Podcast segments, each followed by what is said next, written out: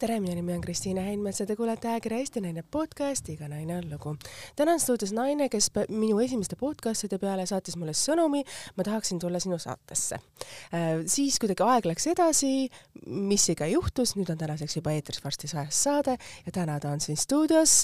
me jooksime kokku ühes teatrietenduse, kuidas öelda, tagaruumis ja ma olen väga õnnelik, et ta täna siia saatesse tuleb, sest täna hommikul oli minul selline ekstreemne olukord enne saate algust, siis tema selline rahulikkus emalik selline toetus, mõistmine oli see, mida ma hetkel vajasin. aitäh sulle äh, kogu selle toetuse ja asja eest enne selle saate algust. tänaseks ma olen juba maha rahunenud ja suudame seda podcast'i saadet uuesti otsast peale teha. tere tulemast, Laine Ränderv tere ja aitäh kutsumast! Sinu elu on olnud ju ka mõnes mõttes äh, Ameerika mägelikult, et äh, sa oled elus ju pidanud mitu korda põhimõtteliselt hakkama otsast peale, ennast uuesti leidma ja võib-olla öelda, võib öelda ka, et ka sinul on võib-olla mõnes mõttes ka avalikult natukene haiget tehtud, aga sa oled suutnud sellest tulla pead püsti ja naeratavana välja, et see on tugevus jah, eks äh, peab ütlema tõesti, et on olnud äh, neid Ameerika mägesid üles ja alla. Ja ma pean ütlema, et minule on äh, võib-olla tõesti avalikkus või siis need inimesed, kes mind ei tunne mm, -hmm. on pigem rohkem haiget teinud kui need, kes mind tunnevad, et ütleme, lähedaste puhul ma ei ole eriti tunda saanud niisugust heitunud olekut, et pigem on toetatud siiski alati sa oled olnud selles mõttes ka Eesti tipp-poliitikas väga pikalt ja ka selles valdkonnas mõnes mõttes seal on tõusud ja seal on mõõnad ja oskus sellest nagu lahkuda niimoodi vaikselt, rahulikult ja selg sirge, et see on midagi, mida vähesed oskavad, sina suutsid seda teha? Nojah, vaata ikka kõik asjad saavad üks hetk otsa, kunagi nad -hmm. algavad, nad algavad teatud ootustega ja kui sa oled saanud need ootused äh, kõik nagu läbi proovida ja täita mm, -hmm. siis on ilmselgelt äh, palju rahulikum ära minna et äh, ma pean ütlema, et ega mul midagi pooleli ei jäänud, kui me räägime poliitikast. ja, ja samas ma pean ütlema, et vaatamata nendele niisugustele erinevatele ekstsessidele, mis on ka juhtunud, ma võtan seda niimoodi, et see on kõik mu nahka paksemaks teinud, see on andnud äh, mulle võimalust paremini hakkama saada ka tegelikult igapäevaelu probleemidega. ja eks need on kõik olnud õppetunnid, et äh, ma ei saa öelda, et see oleks kohe, et ma oleks kohe nii tark olnud. ma olen muidugi haiget saanud ja, ja olen kurvastanud, et miks nii või teisiti on keegi midagi öelnud või minust rääkinud või kirjutanud, eks ole, või ma ei tea, surnud jänese etendus tehtud, eks ole, no teatris, aga eh, praegu tagantjärgi mõttes äh, ütlen, et need on kõik õppetunnid ja, ja need on aidanud mul äh, jällegi erinevate võib-olla uute väljakutsetega või, või uute probleemidega nagu hakkama saada. kui sa olid tipp-poliitikas, olid sa ikkagi ema, su lapsed olid väikesed? See oli väga keeruline aeg, nii et nagu ma sain aru, siis see, mida siin täna hommikul tuli mulle emana üle elada, on olnud ka osa sinust. jaa, muidugi on. ma, ütleme niimoodi, et äh, kui ma läksin üldse, ma ei läinud alguses nagu kohe poliitikasse, võib-olla see, mis mind nagu kodust ära viis, oli äh, Vanemuise kontserdimaja direktori töö ja, ja see oli niisugune, et äh, üks laps oli kaheksa, teine oli kaksteist ja, ja see ei olnud ka kerge aeg, sest et eks niisugune kasvuiga, puberteediga ja kõik, mis seal on tulemas. ja ma olin ülipühendunud kontserdimaja direktor, seal mm. õhtuti pidi olema tööl, mõnikord öösiti, eks ole, mingid mm, üritused, sündmused, nädalavahetused ja ma pean rääkima ühe sellise loo, kus kujutad ette, ma oma kaheksa-aastase lapse unustasin trenni ja ei läinud talle järgi ja ja, ja see on mu elu kõige hirmsam hetk, kui ma olin aru saanud, et kaks tundi on möödas juba sellest trennist, trenni lõpust. ja see oli ülikooli spordihoones, ta käis äh, sulgpallitrennis ja mina siis Vanemuisest ähm, ühel hetkel jooksin ja sain aru, et ma olen lapse jätnud sinna, et ma ei ole talle järgi läinud. ja kujutad ette, ma astun sinna fuajeesse sisse, istub väikene jopes, seljakott seljas, niisugune tegelane ja ootab ema. vot see on nagu mul tuleb praegu külmavärin nagu ja, ja siuke pisar kurku, sest ma olen talle ka nagu rääkinud, et noh, see oli siuke õppetund, et kuidas sa saad noh, tööle pühendunud jaa, okei okay,, et sa oled mingi, mingi tippjuht, eks ole. ja sa unustad lapse trenni, et noh, see on tegelikult äh, üks kõige valusam hetk minul. ja seda ei ole mitte kunagi, mitte kunagi rohkem juhtunud ja ma lihtsalt tänasin Jumalat, et tal oli nii palju oidu, et ta istus seal paigal. Nii et juhtub jah, aga üldiselt ma olen kanaema. ma olen tegelikult ka linnavalitsuse istungilt ära jooksnud, kui laps on helistanud ja öelda, et mingi probleem on, et et õnneks on olnud mõistvad kolleegid, noh, liiga tihti seda ei juhtu, aga noh, emana sa pead ikkagi arvestama jah sellega, et kui sa oled kas tipp-poliitikas või, või tippjuhtimises, siis äh, ikkagi on nagu mingid nii-öelda nagu loodus kutsub või noh, need ema instinktid ja, ja alati ei saa päris mõistusega võtta, lähed ikka muretsed ja teed, kui on nagu lapse pärast vaja. Ma mäletan iseenda jaoks oli minu kõige kurvem hetk, mida ma teadsin, mida ma kunagi ei taha, et mu lapsed peaksid üle elama, olenemata olukorrast, kus mul keskmine laps siis kirjutas jõuluvanale soovi kapi peale, mida ta siis jõuluvanalt sooviks või tahaks ja siis ta kirjutaks, et ta tahab, et emal oleks rohkem aega see oli see periood, kui ma olin TV3-s tööl, mis siis tähendaski seda, et päevasel ajal, kui ma tegin montaaži ja jooksin oma, kuidas öelda, vanema lapsega, oli tema lasteaias ja õhtul siis, kui äh, tema läks koju, kus siis oleks minul olnud aeg temaga, käisin mina siis televõtetel või samamoodi neid lugusid kirjutamas TV3-s, nii et ta nägi mind suht vähe, nii et see on üks otsuseid, mida ma olen oma elus teinud, et äh, kui ma olen ema, siis ma olen ema ja päriselt olemise kohal. tegelikult see on väga huvitav teema, et ma olen ka oma südant valutanud ja ma olen hiljem küsinud nüüd laste käest, mul mm -hmm. nüüd üks tütar tütar hakkab kolmkümmend kuus saama ja oi, ja teine oi, hakkab kolmkümmend kaks saama, et nad on juba päris suured ja vanemal tütrel on omalgi lapsed on üksteist ja üheksa aasta vanused, on minu lapselapsed, nii et et selles mõttes juba järgmine põlv ja nad on ka juba suured ja mõistlikud äh, tegelased.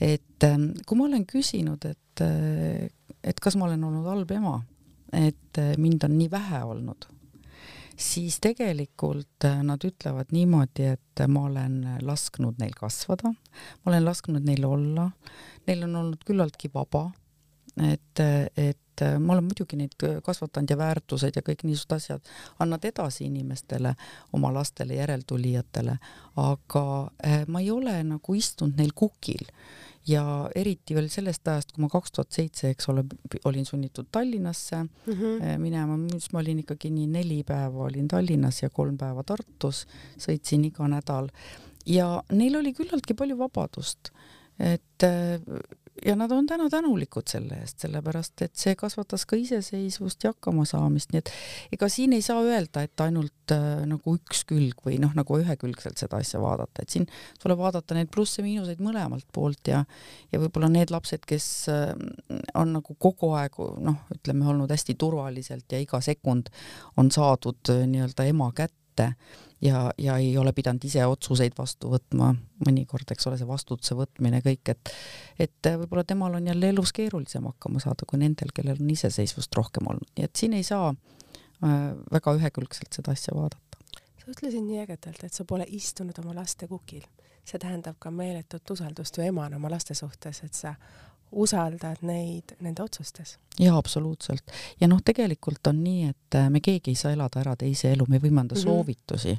ja noh, mida rohkem sa, noh, nii-öelda mida jõulisemalt sa soovitad, seda rohkem lapsed ütlevad, et ma tahan oma jäljed siia maailma jätta mis on ka tõde, sest äh, mul on endal see kogemus, et ma mäletan ka pubekana, kui ma ütlesin, et, et ma tahan ise oma vead teha. küsimus on lihtsalt selles, et äh, missugune hind on nendel vigadel, et noh, et mhm. et, et kus on see piir, et äh, ühelt poolt tasub teha vigu muidugi ja nendest õppida kui sa siis õpid nendest ja kui sa neid vigu kordama hakkad, vot siis on nagu jama aga parem on see viga siis ära proovida oma nahal, kui sa ei usu, on mingi eluperiood, kui sa ei usu mitte kedagi, sa ei usu kedagi, mis sulle ütlevad vanemad inimesed midagi, emad, vanaemad, keegi, kedagi ei usu. ma tahan ise, ise, ise.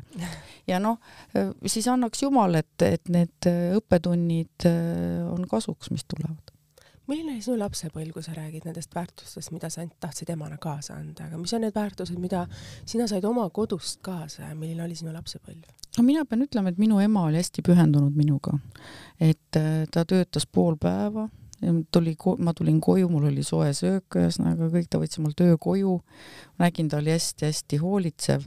Ja, ja ta käis minuga, ma tegin balletti, ma käisin trennis nii-öelda, käis balletitrennis, lasteringid, kõik, et võimaldas, ost-, osteti klaver koju, et ma saaks areneda, käia muusikakoolis, nii et ma olen tegelikult olnud väga-väga äh, hoitud, väga hoitud ja, ja noh, ütleme niimoodi, et mingil hetkel oli mul ka päris palju vabadust, et äh, kuna minu vanemad töötasid äh, kaks aastat äh, välismaal ja mina olin ise nagu nii-öelda Eestis Tartus, siis ähm, see oli raske aeg, ma olin pubekas, ma olingi mingi kaksteist, kolmteist ja neliteist niisuguses vanuses.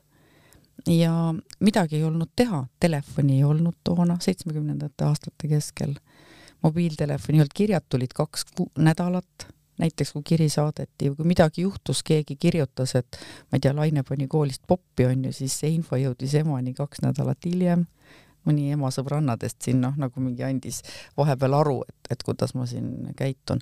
nii et noh, tegelikult ma arvan, et see oli mulle väga hea eluperiood, mul oli käitumine rahuldav, ei olnud eeskujulik, aga tunnistusel olid ikkagi kõik viied, nii et -hmm. et käitumise osas oli jah, mul koolis probleeme mis olid need probleemid siis, mis sul koolis oli, et kas sa olid siis ulakas tüdruk või sul olid lihtsalt teatud asjad, et sa tahtsid oma väärtuste eest seista ja tollel hetkel, kui sa julgesid oma arvamust avaldada, oligi su käitumine rahuldav? just, just täpselt, see vastabki tõele, et, et äh, ma arvasin liiga palju, ma võitlesin seal mingite klassi vendade eest, keda taheti koolist välja visata, ma käisin seal direktori juures õiendamas, et, et ei tohi välja visata ja noh, ma mäletan, et üks eesti keele õpetaja ütles mulle ükskord niimoodi, no kuule, Laine, sinust saab mingisugune advokaat ükskord, et küll sina noh, nagu räägid räägid kõik surnuks, et, et ma olin jah, niisugune võitleja.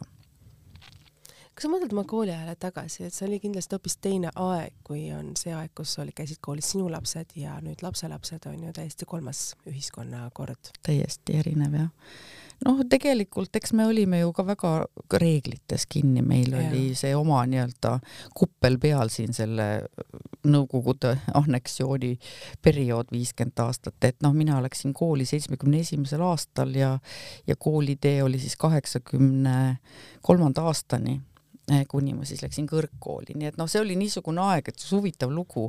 Eh, tundus, et eh, noh, nagu oligi stagnatsioon, et kunagi midagi ei muutu loomulikult me kõik äh, teadsime, neljakümne kiri oli, eks ole, olid siin noorterahutused, äh, keegi sai Tallinnas vaadata Soome televisiooni, nägi, mis tegelikult toimub, mina tartlasena, noh, meil seda privileegi Lõuna-Eestis ei olnud, aga ikka mingid sõbrad olid, kes rääkisid, tulime Tallinnasse külla, vaatasime Soome, ma ei tea, filme ja igast niisugust asja. ja, ja ikkagi see niisugune vabaduse ihalus oli nagu kogu aeg, et tuli hõõgus tuha all. aga, aga äh, meil oli nagu väga tore tegelikult, ega seltskond, meil oli aega, ma ei taha midagi nagu nostalgitseda, et oi, et nüüd on arvutid ja kõik istuvad arvutis, aga aga see, et inimestega suheldi rohkem omavahel, et see oli nagu, no mängisime õues, eks ole, joonistasime seal, ma ei tea, majad liiva peale ja, ja käisime üksteisel külas ja keksud ja, ja luurekad ja, ja maal olemised ma ei tea, kartuli ja kivi korjamised ja kurkide hoolitsemised, niisugused töö- ja puhkelaagrid. ja see ei olnud nagu mingi kaks nädalat, et nagu praegu on mingi õpilasmalev on ju, siis kõik on tohutult järjekorras ja ja siis, kes on siis õnnelik, saab kaheks nädalaks, et me olime ikka suved otsa kuskil. selles mõttes oli, oli tore, et, et noh, ideoloogia surus, eks, aga see elu oli teistsugune, noh, minu laste puhul noh, mobiiltelefonid tulid ikkagi, ikkagi hiljem, nad olid ikkagi juba suuremad ja, ja noh, mida ei olnud, ei olnud autot, on ju, lihtsalt ei olnud nii lihtne liikuda, trenni pidid viima lapse nii-öelda käe kõrval, aga kõik need trennid olid ka ikkagi kooli lähedal või kuskil niimoodi kodu lähedal, et sättisid oma elu selliselt ja rongiga pidi maal käima ja koos laste ja kärude ja kõikide värkidega. me elasime neljandal korrusel, mul ei olnud kokkupandavat käru, et laps oli ikkagi nagu rõdul, magas, on ju, vankris, kui ta noh, oli päris väike ja nii et noh, aga kõik on saanud elatud ja, ja suureks kasvatatud ja ega ma ei olnud ainuke selline, kindlasti ajast oli selline? ajast aeg oli selline ja, ja me ei osanud midagi paremat tahtagi, et ja, ja siis, kui tuli ma olen väga õnnelikul ajal selles mõttes ikkagi elanud, et see noh, täna on näiteks, eks ole, leinapäev just, kui me siin lindistame seda saadet ja ja äh, need vabaduse teemad ja küüditamise teemad ja, ja need olid ju kõik, kõik väga üleval ja, ja meil ikkagi õnnestus see laulev revolutsioon, need emotsioonid seal lauluväljakul, need öölaulupeod, äh, need muinsuskaitse, need kõik marssimised ja, ja, ja sinimustvalged lipud, mis välja tulid ja see see mm, vabanemine, taasiseseisvumine, et noh, ma olen olnud äh, nii-öelda noore inimesena kogu selle asja sees ja see tundus täiesti uskumatu. sa olid tartlasena, läksid õppima Tartu Ülikooli? ei läinud ahaa, kuidagi siis ma vaatasin valesti või kuidagi mõistsin valesti. Tartu et... Ülikooli ma läksin alles doktorantuuri, aga jah. ma läksin äh, Tallinna Konservatooriumisse. sa õppisid ju koolijuhtimist. ma tulin ikkagi kaheksakümne kolmandal aastal, tulin Tartust ära äh, ja siis õppisin paar aastat, ma õppisin statsionaaris siis ma läksin juba mehele, väga varakult mindi mehele vanasti. kakskümmend kaks oli viimane taks. ja täpselt, mul oligi see hirm, et järsku jääb varatüdrukuks. ja, ja siis õppisin, lõpetasin kaugõppes. toona oli niisugune võimalus, aga noh, muidugi iga nädal tuli ikkagi Tallinnas käia, sest et ütleme, see eriala õppimine, klaver ja ja dirigeerimine, see kõik, et seda ei saanud teha ainult üks kord kuus või kuidagi kord, kord semestris, et ma ikka iga nädal käisin koolis aga et eh, jah, ja läksin tööle samal ajal, läksin juba Elleri muusikakooli, läksin samal ajal tööle.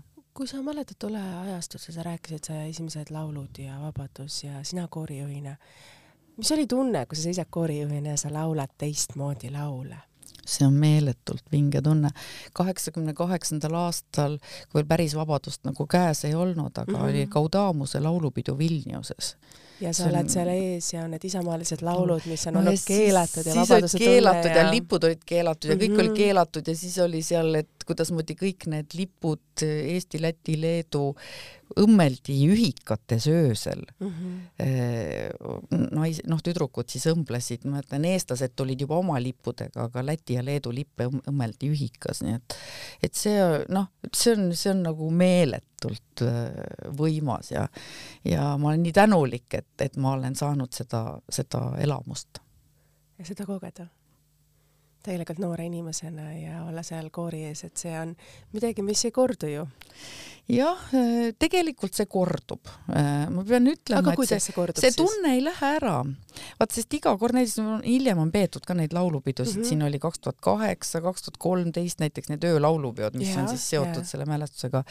ja, ja see tunne tuleb iga kord tagasi ja iga kord, kui kõlab, ma ei tea, koit või kõlab mm -hmm. mingi mesipuu või kõlavad sellised lood, siis see tunne tuleb kõik tagasi. mu isamaa on minu arm, igavene selline lugu, mis, mis alati äh, nii-öelda pisarad kurku toob, nii et, et ähm, see, see ei lähe ära, see tunne kui sa läksid poliitikasse ja see oli ka mõnes mõttes ju õnnestumine naisena, sest tollel ajal naisi ei olnud palju poliitikas ja polnud palju naisi, kes nagu arvaksid midagi ja julgeksid nende meeste kõrval öelda, et öelda, et aga minu arvamus on sama oluline kui sinu oma, et noh, see oli tollel ajal ikkagi vastu seina jooksmine naisena mina ei ole seda tunda saanud, tead, mul on vedanud, et ma olin juba Vanemuise kontserdimajas, ma olin, eks ole, direktor mm, -hmm. juhtiv, juhtivtöötaja, meil oli palju mehi tööl ja meil oli niisugune äh, noh, Aivar Mäe oli minu kolleeg, eks ju, kes äh, minu kutsuski sinna Vanemuisesse ja ei olnud mul kunagi sellist tunnet, et ma pean hakkama midagi võitlema või, või,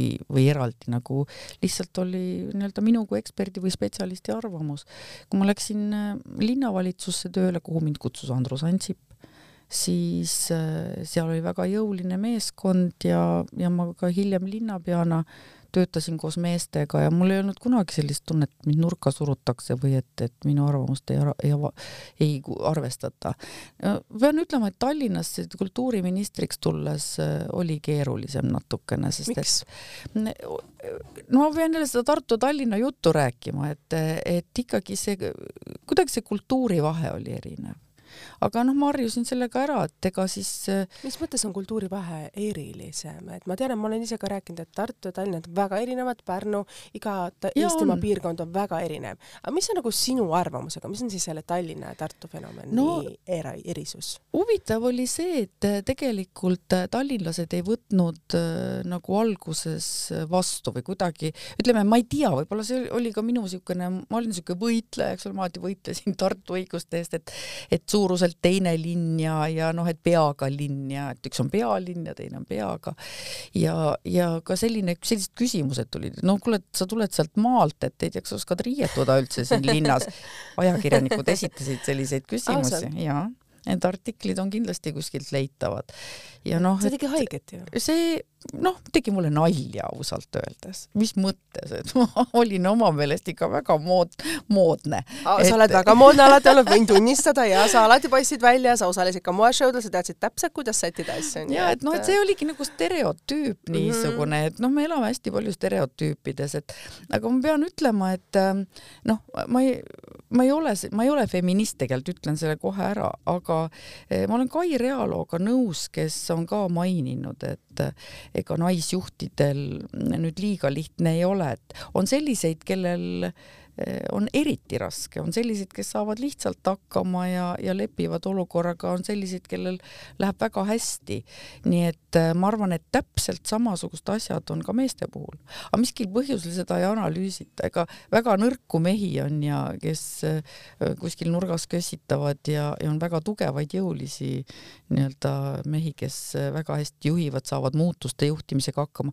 on väga palju selliseid mehi, kes Äh, tunnevad, et nad ei saa hakkama ja lähevad ka ära. nii et äh, tegelikult on mõlemate nii-öelda sugude puhul neid äh, selliseid erinevaid probleeme, aga ühtedest räägitakse rohkem lihtsalt. stereotüübid tegelikult ei kehti, et see on ikkagi inimese keskne, pigem see ühiskonna arvamus, et naine on naine ja mees on mees, et see on ikkagi pigem inimese isikuomadused. noh, see on ja, ja loodus on niimoodi seda asja pannud ja ütleme, et eks see naiste õigustest võitlemine on ju üle saja aasta olnud ja, ja ütleme nii, et me, mina olen täna teksadega, sa oled ka teksadega, eks ole, et, et noh, sada aastat tagasi oli see mõeldamatu, oli see mõeldamatu ja mingid asjad muutuvad, nii et tead, üldiselt ma olen kuidagi, võib-olla see tuleb vanusega, aga et äh, ma olen niisuguste võitluste suhtes nagu maha rahunenud, aga mis, mis, mille eest ma võitlen või, või mis mind ikkagi jätkuvalt ärritab, on lollus, nii et noh, ütleme niimoodi, et, et mingid asjad on, sa saad hakkama oma eluga ja aga, aga lihtsalt, kui sa vaatad nagu kõrvalt, et kui palju on küündimatust, kui palju on diletantlust, kui palju on populismi ja, ja lihtsalt lauslollust, noh, vot sellega on keeruline võidelda. Sa räägid nagu nii ägedalt ütled neid sõnu nagu välja, et mis on need sõnad, mida sinu ema sulle kaasa andis, et selleks, et sa naisena julgeksid välja öelda sõnu või seista oma õiguste eest, sul ikka pidi olema äge ema, nagu sa ütlesid, su ema oli alati sinu jaoks olemas, aga mis on need sõnad, mida sa mäletad, mida su ema sulle nõnda, nõndanimetatud pähe raius? tead, väga hea küsimus on see sul, mitte keegi pole seda mu käest küsinud, aga mul on kohe vastus olemas. mul on kaks väga jõulist äh, sellist väärtust. üks oli see, et ähm, kõige hullem asi, mida üks inimene saab teisel teha, on reetmine mm -hmm. rääkis sellest, et ja see ja ma ei reeda inimesi ja see on tõesti mul nagu, nagu sisse juurdunud see, et kui isegi, kui mind reedetakse ja mõnikord nagu ema küsib, et nagu ka, et miks sa noh, miks sa siis midagi ei ütle või miks sa nagu ei võitle või ei paljasta seda olukorda, et kuidas see tegelikult on. ma ei ole reetja, vaata, et ma ise oled õpetanud mind, et, et olenemata sellest, et küll, kuidas ma ütlen, küll kõiksus paneb asja paika ja teine ülioluline äh, mõiste või, või selline väärtus on tahtejõulisus. ja äh, kuidas ta mulle seda seletas, et noh, ma ei tea, tolmu pidin pühkima, ma ei tea, kolm korda nädalas ja ma ei tahtnud, siis ta ütleb, et ja sa ei taha ja sa teed ja sa kasvatad oma tahtejõudu. et ühesõnaga, et, et saada üle nagu raskusest või et ma ei viitsi, ma ei taha, ma ei oska, nii kaua pusid kuni saad hakkama, nii et noh, püsivus viib sihile, eks ole, ja ja tahtejõud, et need on niisugused asjad, mis mul on, äh, on ema poolt kaasas ja mm, isa on mul väga oluline ka äh, minu elus ja õpetuses, isa on kohutavalt kannatlik et, et see, kui, kuidas ta noh, võib mingisugust asja väga kaua ja põhjalikult kas siis viimistleda või kirjutada või, või mõelda või, või viia nii-öelda detailideni või, või kuidas ta nagu mingit asja uurib ja täpsustab, et ta on ülikannatlik ja rahulik, nii et, et see on, mul on nagu väga hea komplekt. On, sest kannatlikkus on see, mida me naistena vajame väga paljudes oma eluetappides, olles väikese lapsega kodus, alustades nii mõnigi kord otsast peale oma elu, pärast uute valikute tegemist. ka sinus on olnud neid äh, raskeid perioode, just ka see, et äh, sa olid ju väga pikalt ikkagi selles mõttes abielus, sul on üks elu ja siis see lõigatakse lahti ja isegi sellel hetkel, kui sa lahutad, sa mõistad, et jaa, nüüd tuleb kõik uus, aga see võtab aega. See võtab ju tegelikult meeletult aega, sest sa hakkad otsast peale kõiki neid asju üles seadma, mõtestama, kuidas seda või teistmoodi, sest kui sa abiellud, sa lööd ju oma elu, et sul on kalju kõrval. ja olenemata, mis on, see on kokkulepe. kokkulepe on püha, nagu sa ütlesid, ei reedeta. ja kui see reetmine ja kokkulepe on murtud, siis sa oled ju tegelikult tühjuse ees, et kuidas edasi jah, eh, mul on kuidagimoodi see saatus on mulle appi tulnud, et sellistel hetkedel eh, mul muutus ka nii-öelda elukoht, eks ole, et ma nii-öelda kolisin mm -hmm. Tartust Tallinnasse ja, ja see annab väga palju kaasa. ja see, see aitas ja et sul on nagu järsku noh, keskkonna muutus mm, -hmm. sul on ülesannete muutus, noh, lapsed olid siiski küllaltki suured, juba selles mõttes said iseseisvalt hakkama, et ähm, äh, muidugi, muidugi ka tekib selline tühjus või, või, või see segadus, ütleme, et mis siis nüüd ja kuidas nüüd edasi. aga noh, ütleme, et elu lähebki edasi ja, ja noh, siis tulebki vaadata, et mis need, mis need plussid on, eks ole. noh, seda võib võtta ka, et noh, tekib vabadus tekib teatud vabadus eks ju. ja, ja noh, see ongi nii, et kustpoolt asjale peale vaadata, et, et noh, mul praeguses mm, elus on mul ma, ma tegutsen coach'ina, eks ole, personaalse arengu treener, tegelen siis inimeste äh, just nimelt valikute ja, ja variantidega, andes neile neid valikuid läbi küsimuste, eks. et eh, coach ei ole see, kes eh, nagu kellelegi midagi ütleb, et tee nüüd nii või teisiti. ja, ja kui ma näiteks iseenda coach eh, oleksin või, või peaksin olema. et, et mida ma siis küsiksin enda käest, et noh, et, et mis siis veel, mis on veel selles või teises asjas, ma ei tea, kas head või millised on võimalused, et toona muidugi mul ei olnud coach'i ja ma ei teadnud ise ka sellest midagi. aga mul oli ka häid sõpru, kes mind kuulasid ja tegelikult eh, inimesel on hästi oluline eh, sellistel murdepunktidel, et ta ei jääks üksi, et ta ei jääks mhm. üksi oma mõtetega, et võib-olla ta ei tahagi nõu saada. Eh, võib-olla ta tahab lihtsalt, et teda ära kuulatakse ja noh, tegelikult praeguseks ma pean ütlema, et ju kõik asjad on äh, on äh, korrastunud, on maha rahunenud, äh, me saame kõik normaalselt äh, läbi, suhtleme, lapsed saavad kõigiga läbi ja, ja kõik saavad läbi ka uute elukaaslastega. nii et noh, tõesti see, ma ei oleks uskunud mingi paarkümmend aastat tagasi, et, et, ähm, et see nii rahulikuks võib minna või muutuda, aga see kärgperede teema on, on kuidagi noh, kuhu sa ka ei läheks, vaatad, et inimesed on kõik, kõik kuidagi meie suur perekond. tasakaal on ju selles mõttes selle sõna kokkuvõte, et mis olid sinu jaoks need esimesed tasakaalu teemad, mis olid hästi vajalikud, et et kui sa hakkad oma seda, kuidas öelda, sisemist, sisemust uuesti paika panema, mis on see sinu kalju sees, sest äh, mis olid need mõtted ja asjad sul siis?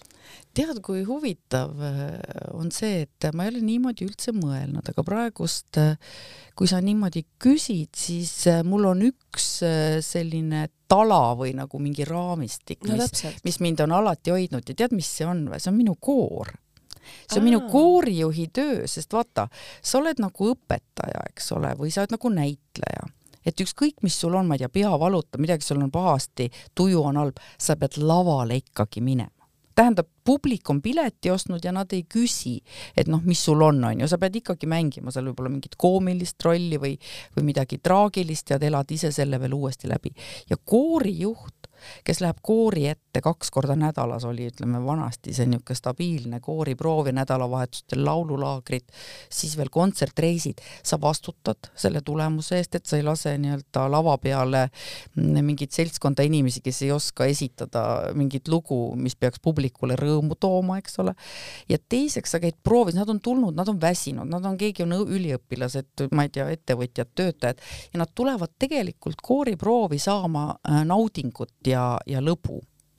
ja siis vaata koorijuht ei saa tulla mingi oma mingi mure või probleemiga hakata seal seda eksponeerima. nii et koorijuht on see, kes innustab ja toob need inimesed sellest argielust välja pigem sellisesse nagu meelelahutusse. Muidugi nõudes ja tahtes, no kui sa teed, on ju keerulisi lugusid. nii et äh, tegelikult äh, mind on alati aidanud minu koor, ma olen kaheksakümne üheksandal aastal tegin oma koori, äh, nüüd ta nii aktiivselt ei tegutse, kolmkümmend aastat, kui see laulupidu ära oli, kaks tuhat üheksateist, eks ole, see mhm, mhm. koroonaaeg ja kõik. aga noh, mul on Tallinnas, on kaks tuhat viisteist tegin ühe meeskoori ja see tegutseb aktiivselt väga kord äge, nädalas. ja noh, ütleme, et enne seda, ütleme, esimesed kooriga tööd olid mul ikkagi juba kaheksakümne kolmandal aastal, nii et ma ei tahagi öelda, aga järgmine aasta saab nelikümmend aastat kooride eest seismist palju-palju-palju õnne, väga äge. me kõik vajame ellu mingit konkreetset detaili ja asja ja kui me siin hetk tagasi saate alguses ka rääkisime mingisugustest asjadest, sest mina tean terve elu, mina tantsisin, ma tegelesin uh. võistlustantsu ja olenemata, mis oli, pidin ma alati minema tantsupõrandale naeratama. Just, vot näed, täpselt sama asi. ehk minu jaoks ongi see, et mis iganes, kui mu elus ei toimu, siis minu elu on tants ja ma alati naeratan selle peale, sest see on täpselt see, kuidas ma nüüd vaatan. kas sellele perioodile, kus ma veedan seal hommikust õhtuni tantsuruumides, kus mul on jalad plaasterdatud ja võib-olla valuvõigistid sees, sest kolmkümmend üheksa kraadi on palavik, aga võistlus on tulemas, siis see tähendabki seda, et kas sa näitad seda raskust põrandal või sa näitad see, mille jaoks sa oled oma elus tööd teinud. sada protsenti nõus, väga õige, väga õige võrdlus et naistena ongi oluline see, kuidas öelda, seada esikohale need detailid, mis on meile olulised, sest see on see, mida me anname edasi oma lastele. Vastab tõele. kui sa anna, mõtled oma laste peale, et nad on sul täna küll juba suured, need tüdrukud, et sa oled ka rääkinud, kuidas sul oli see emaks olemise neid raskuseid, mis oli tolle ajastu üks osa. et mis on need detailid ja väärtused alati, mida sa tahtsid neile alati edasi anda ja kas sa võid öelda, et nad on neid kuulda võtnud, et võid sa olla uhke oma tütarde üle? Oi, absoluutselt, ma olen nii uhke, et ma ei mahu tuppa ära. Aitäh, et sa seda ütled, sest see on ju me iga ema unistus, et me saaksime olla oma laste üle uhked. jaa, absoluutselt, no ma, ma olen sellepärast uhke, et et nad on targad naised, nad on targad noored naised ja nad on töökad nad on edasi pürgivad ja, ja nad on sellised tegutsevad. Ja noh, vanem tütar, kellel on ka pere nii-öelda ja lapsed, et eh, seal on ka pidanud eh, igasuguseid eh, elulisi noh, teemasid üle elama, et ja kõigega on hakkama saadud ja edasi liigutud, et õnneks on noh, nagu ka niisugune toetav ümbruskond igatpidi, nii et tegelikult ma olen väga-väga uhke oma laste üle ja ja vaatan õnnelikult, eh, kuidasmoodi nad eh, oma valikuid teevad siin elus. ja mul on üks väga hea sõbranna, kes mm, palju aastaid tagasi, kui, kui võib-olla lapsed olid rohkem nagu teelahkmel, võib-olla see oli seal gümnaasiumi lõpus kuskil, natuke püüdsin muretseda, et noh, et oi, kuhu nad nüüd lähevad ja mida nad hakkavad tegema ja kuidas, et see, ta ütles väga hästi, ta ütles oma lapse järgi, tal on äh, mõni aasta vanem äh, tütar, ütles, et, et, et ma ei ole kunagi oma tütre eest mingeid otsuseid teinud, sest temal on tarvis tema elu elada. Ja, ja see on olnud mulle nagu üks, üks väga niisugune hea õppetund või, või selline põhimõte.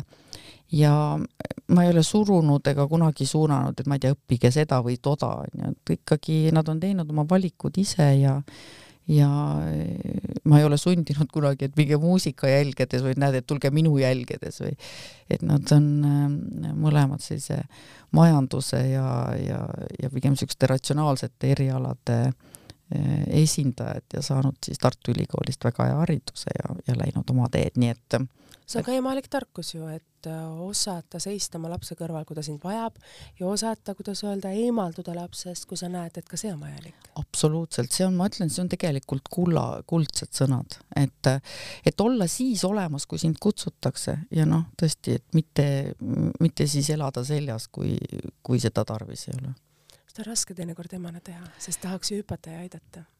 nojah, aga ikkagi tuleb siis ennast meenutada, et kuidas endal meeldiks, et vaata, tee teisele seda, mida sa tahad, et sulle tehakse.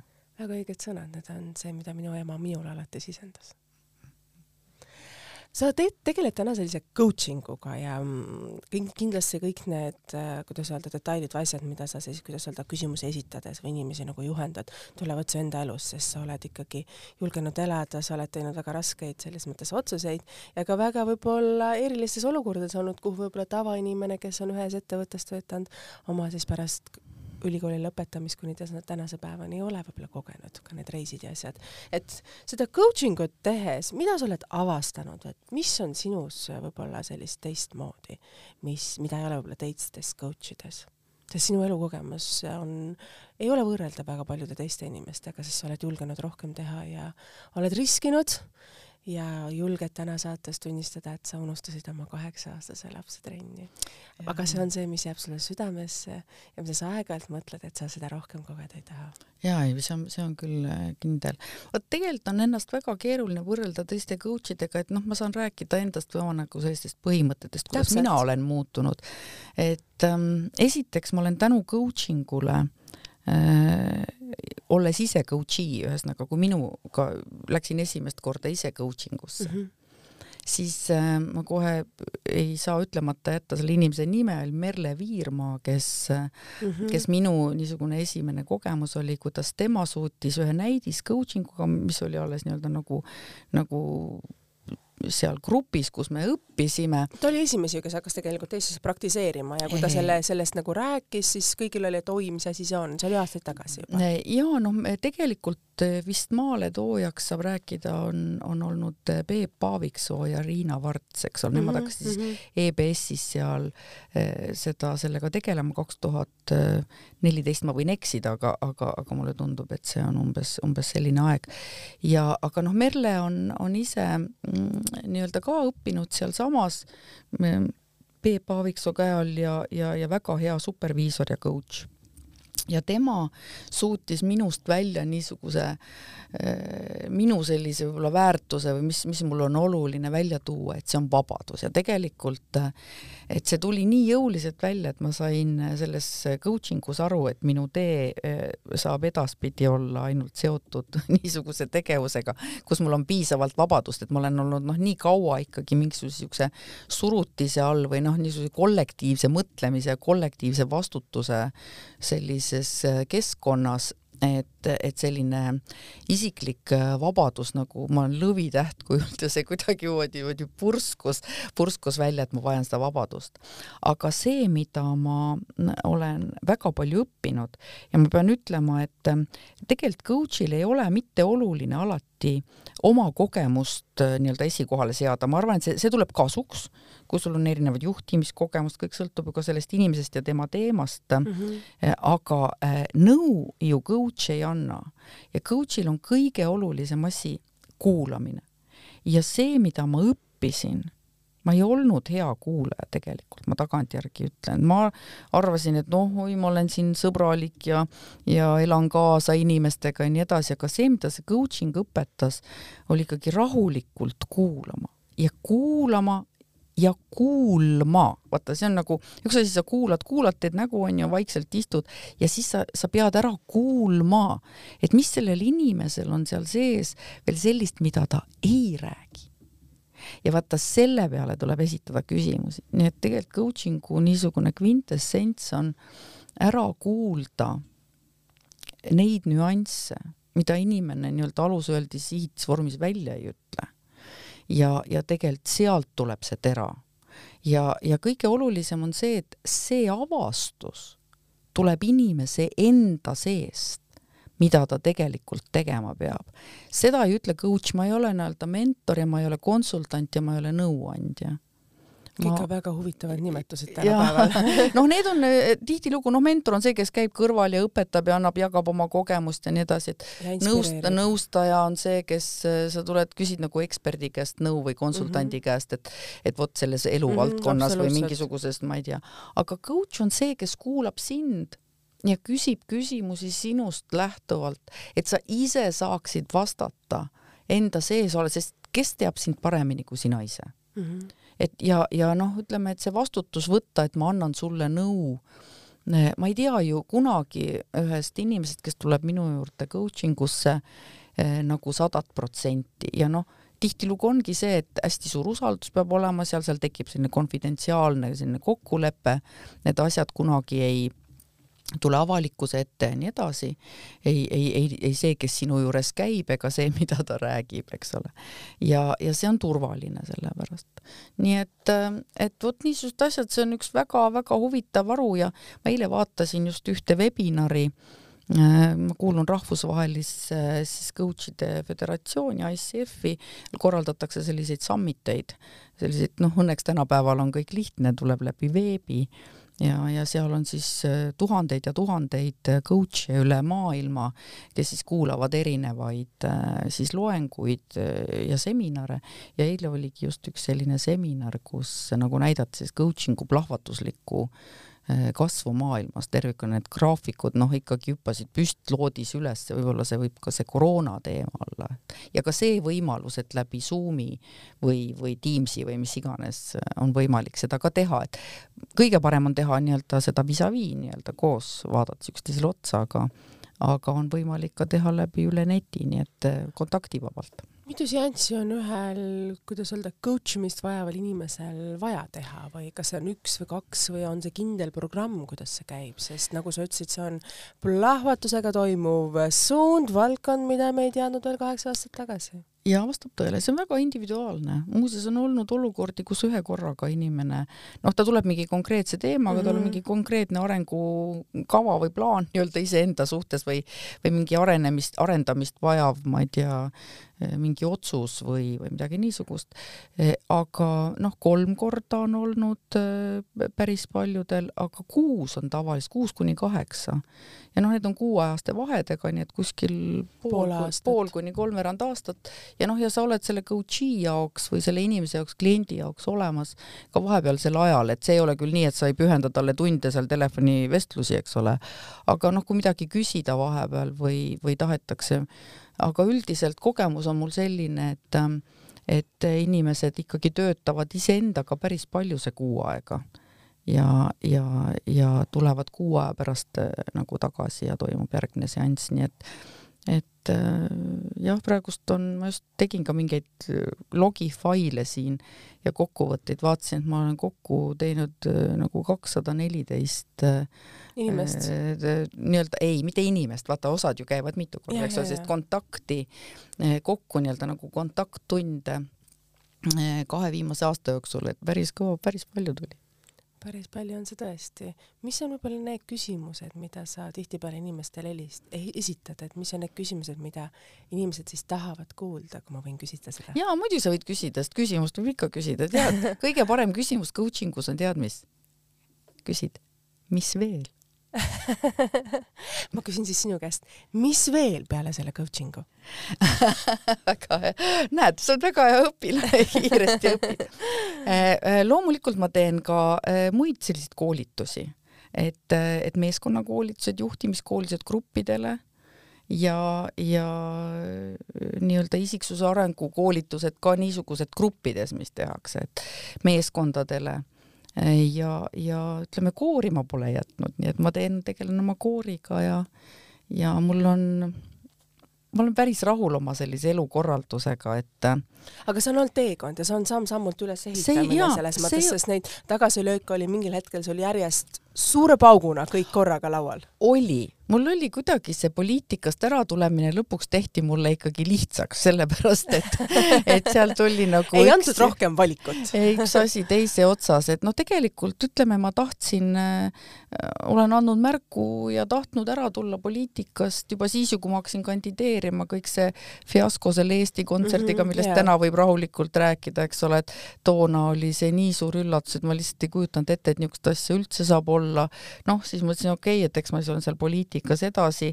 noh, tegelikult kui see, kui see on juba siuke üles soendatud supp, vaata, kui sa lähed nagu tagasi. Mm, -hmm. et, et see, sellest enam head asja ei saa, et see üles soendatud supp võib ka olla hapuks läinud ja nii edasi, et kui sa oled ükskord tahtnud, vot see on küll õppetund, tead, et kui sa oled tahtnud kuskilt ära tulla, siis tule ja ära enam tagasi mine, et see oli minu lollus, et ma läksin tagasi ja, ja ma pean ütlema, et et täna täitsa rahulikult saan, saan ka öelda, et, et see Viimsi vallavanema kogemus oleks võinud küll olemata olla.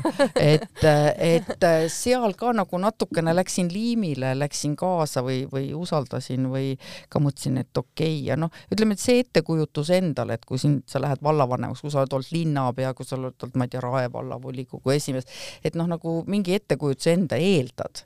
mulle väga meeldis, kuidas rääkis Tõnu Lehtsaar mm, ka sellistest äh, eeldustest just viimasel coaching'u konverentsil, et noh, et ei ole mõtet eeldada, et kui sa eeldad, siis, siis ilmtingimata kukud, kukud näoliporri.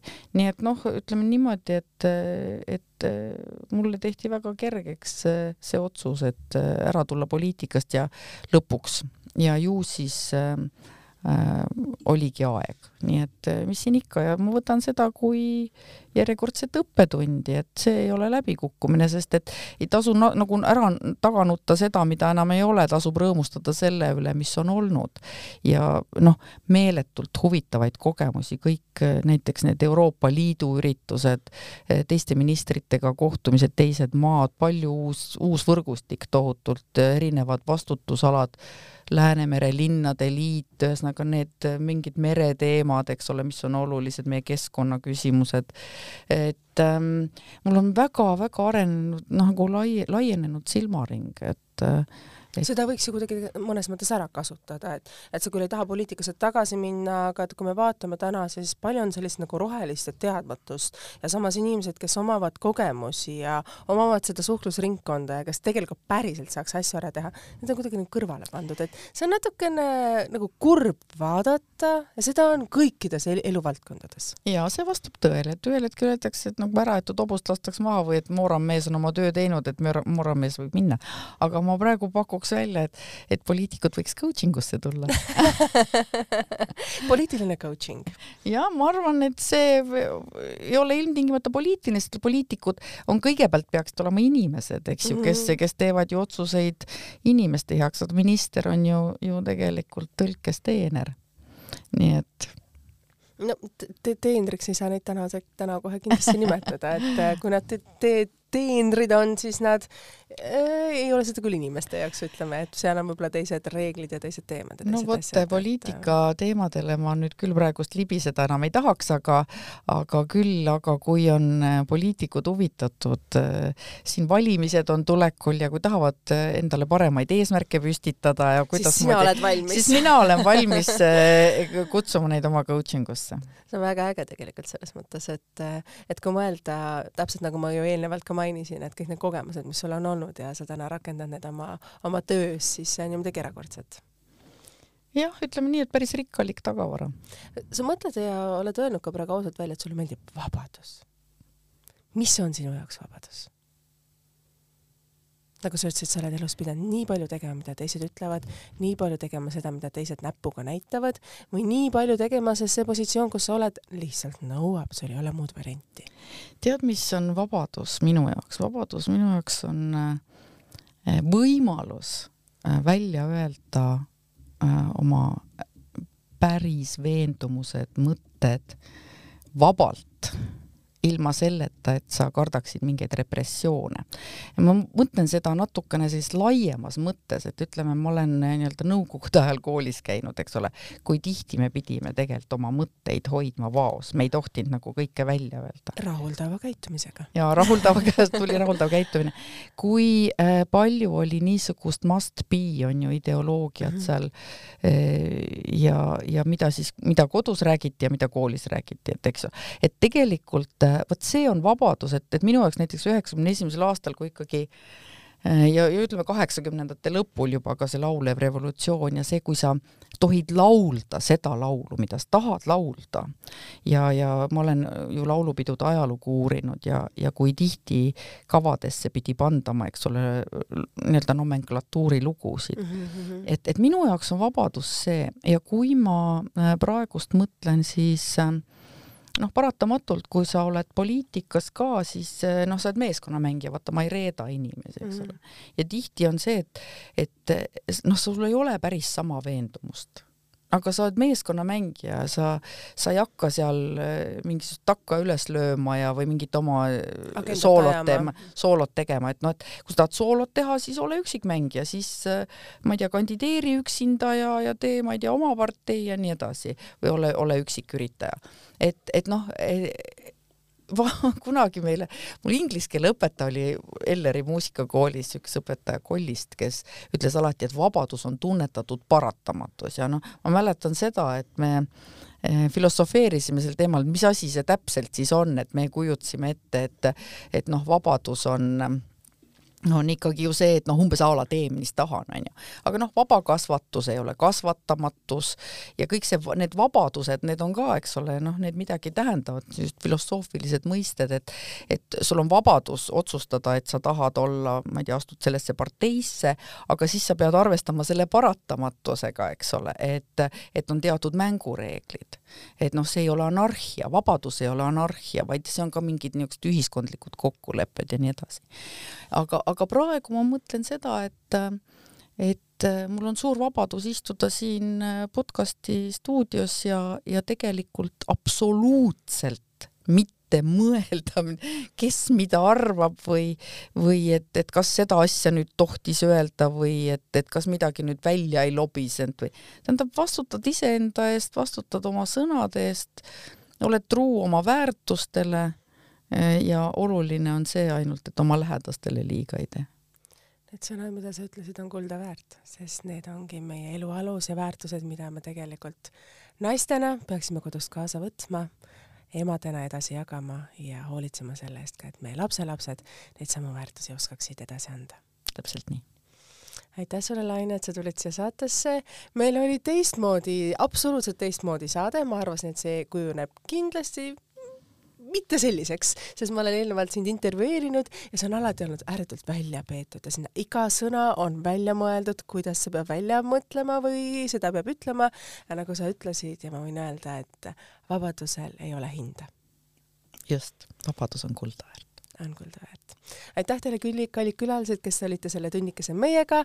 ma loodan, et see tunnikene vabadult, vabalt, siiralt, otse, ausalt meie sisemistest tunnetest, mis meile ise siia meie vestluskäigus lauale tuli, inspireerivad teid ka edasi. suvi on vabaduse aeg, suvi on, et vabadust nautida ja mõtted, et elu võiks olla vabam ja oma eluvalikutes võiksime me olema vabamad või midagi sellist, kuhu poole me võiksime pürgida, isegi kui me tahame elus palju saavutada, siis midagi jääda kindlaks oma sisemistele väärtustele on oluline. aitäh sulle veel kord, äh, Laine, aitäh teile kuulajad ja saade on ikka alati saadaval Delfi tasku keskkonnas, SoundCloudis ja Spotify's. kohtume teiega juba nädala pärast uutel suvistel teemadel. olge terved! nägemist!